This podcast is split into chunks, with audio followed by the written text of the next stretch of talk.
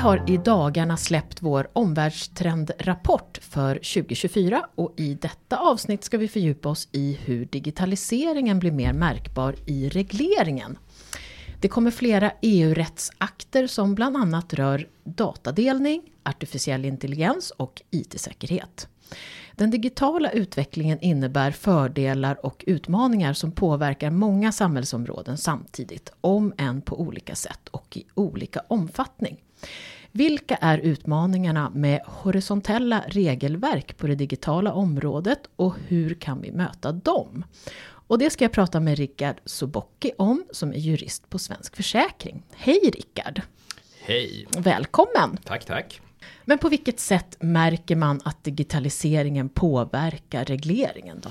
Digitaliseringen påverkar ju alla delar av samhället. Eh, det handlar till exempel om att produkter kopplas samman med digitala tjänster, om att data har blivit en, något som är viktigt för eh, tillväxt och innovation. Bättre analysmöjligheter med AI. Eh, men också om sånt som ökad sårbarhet till exempel när det gäller cyberangrepp och andra sådana IT-relaterade störningar. Och precis som du nämnde här då har det kommit förslag från EU-kommissionen, eh, flera stycken, på det digitala området. Ett exempel är att det här EUs regelverk om produktansvar ses över just nu. Eh, för att man ska klargöra hur ansvar, produktansvaret ska tillämpas där man har just digitala inslag i, produkter, fysiska produkter. Och det har också kommit som du sa mm, nya regler om datadelning, AI-användning, IT-säkerhet. Så man kan absolut säga att digitaliseringen märks allt mer i, i regleringen. Och det är ju inte så konstigt egentligen. Eh, det här, regler är ju ett sätt, ett verktyg för att eh, forma samhällsutvecklingen. Alltså jag sa ju ett ord här som hette horisontell reglering. Alltså vad är det för någonting? Eller vad menas med det? Ja, om man tittar lite bakåt så uh, har ju reglering ofta varit knuten till någon viss aktivitet eller verksamhet. Och det kanske också har eh, utformats då ett eh, departement som har haft ansvar för till exempel en bransch eh, eller en viss verksamhet. Det kan vara finansiella frågor, det kan vara infrastruktur. Men digital teknik den är ju sällan då knuten just till någon viss bransch eller marknad utan kan användas eh, i många, många olika verksamheter. Och därför är det just då mm, regleringen på det här området är ju ofta horisontell. Det kan vara så att den omfattar hela finanssektorn eller ännu fler samhällssektorer. Och det um, får ju den följden då att um, reglerna kanske inte är särskilt utformade för försäkringsverksamhet. För de, är ju, de gäller bredare. Och vad är då utmaningarna med det här? En grundläggande utmaning eh, det är ju att eh, den här regleringen som är horisontell, den är ju inte särskilt anpassad för försäkringsverksamhet. Om vi tar det här exemplet att man har reglering som är gemensam för hela finanssektorn, då kan det finnas risk för att den utformas till exempel med bankverksamhet som utgångspunkt och att man inte tar hänsyn till att det finns viktiga skillnader mellan bank och försäkring. Den här horisontella regleringen innebär också att det kan vara svårt att fånga upp eh, försäkringsfrågor, försäkringsperspektivet.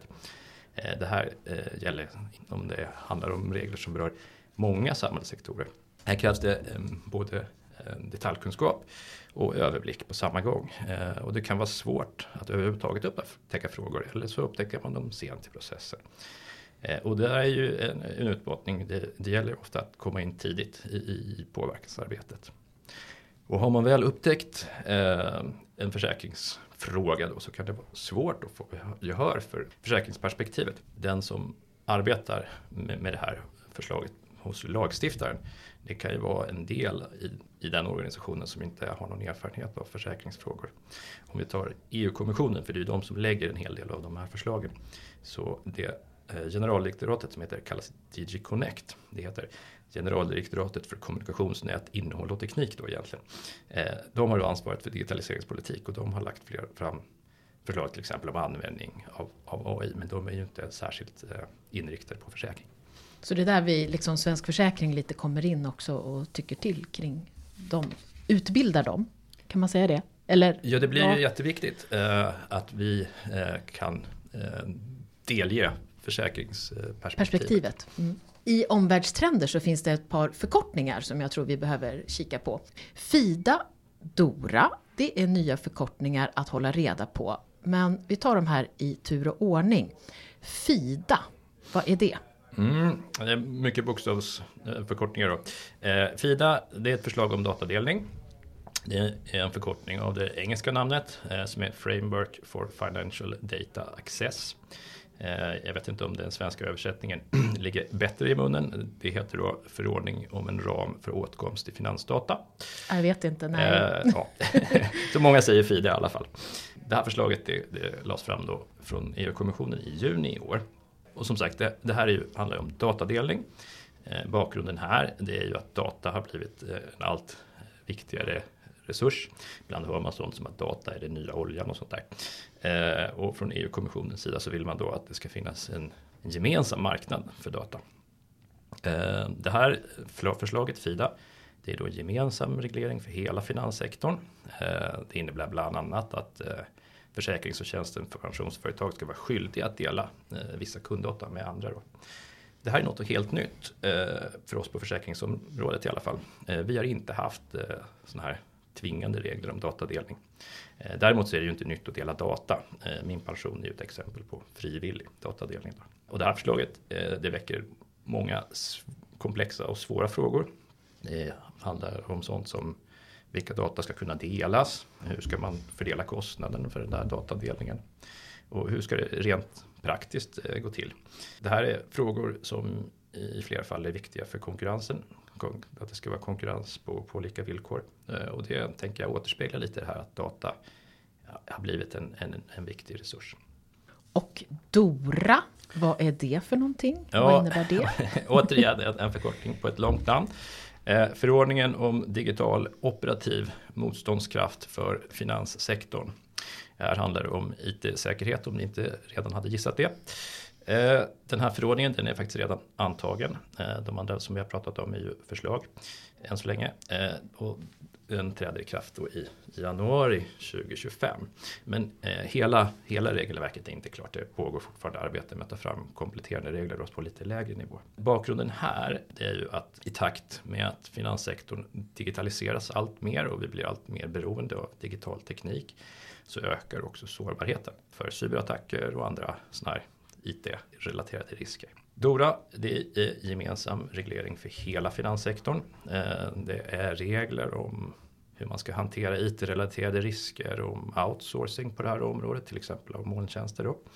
Det är inte någonting helt nytt, den här typen av regler. Grundläggande regler om riskhantering om outsourcing finns i Solvens 2 till exempel, rörelseregelverket. Det som händer här är att med DORA blir de här reglerna mycket mer eh, detaljerade på det här området. Då. En viktig fråga för branschen här, eh, apropå det här med horisontella utmaningar, har varit att eh, de här reglerna eh, ska kunna tillämpas proportionellt. Hur sådana här IT-relaterade risker ser ut. Det beror ju lite på vad man är, vad man är för slags aktör i, i, i finanssektorn. Då. Och sen kommer det ny reglering kring AI. Varför gör man det och vad innebär det? Det här är ett förslag från EU-kommissionen som lades fram då i april 2021 och det handlar om utveckling och användning av AI. Eh, det är ett eh, ganska, det, det, är ett, det är ett nytt förslag på många sätt. Eh, det, det sägs vara det första i sitt slag, även globalt. Ett unikum. Ett unikum, precis. Man är först ut där kan man i alla fall säga. Mm. AI är ju något som utvecklas alltjämt och i snabb, i snabb takt dessutom. Då.